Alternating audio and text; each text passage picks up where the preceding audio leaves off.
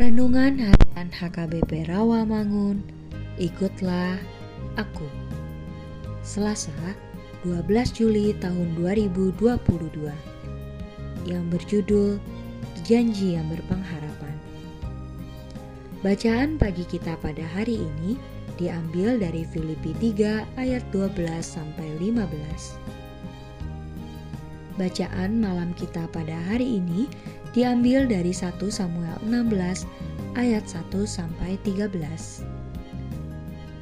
Dan kebenaran firman Tuhan pada hari ini diambil dari Yesaya 61 ayat 8 yang berbunyi Sebab aku Tuhan mencintai hukum dan membenci pemberampasan dan kecurangan Aku akan memberi upahmu dengan tepat dan akan mengikat perjanjian abadi dengan kamu.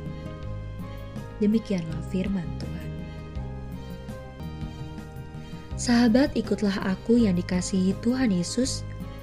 Penderitaan Israel pada masa lampau dipertentangkan sekali dengan kesukaan yang akan datang.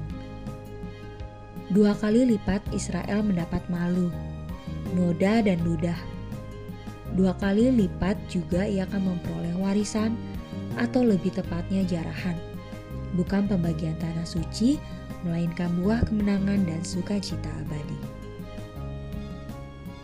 Perubahan ini datang dari dia yang mencintai hukum dan bapa leluhurnya.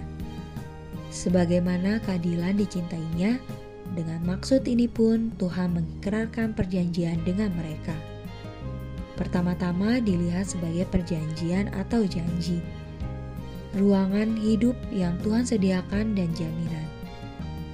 Kedua, sebagai hubungan yang mengikat Allah dan umatnya dalam suatu hubungan khas dan akhirnya sebagai hukum yang berlaku di dalam persekutuan tadi.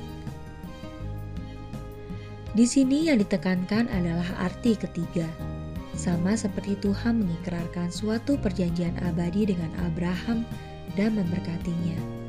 Demikian pula umat seluruhnya diberi janji dan berkat yang nyata kelihatan di antara bangsa-bangsa. Sejak zaman pembuangan Abraham menjadi lambang janji dan berkat Allah sesudah Israel pulang.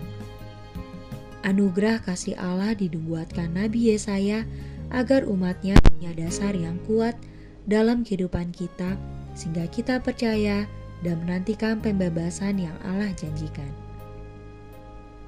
Setelah itu, kita akan disebut sebagai pelayan Tuhan yang beriman, dan kita berkewajiban untuk menyampaikan kebenaran firman Allah agar sesama kita boleh saling memperoleh pengharapan yang hidup hanya kepada Tuhan.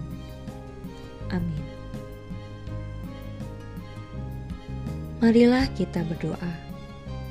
Tuhan yang baik, Ingatkan kami umatmu yang engkau kasihi, agar kami tetap dapat menjadi pemberita kebenaran firman-Mu. Amin.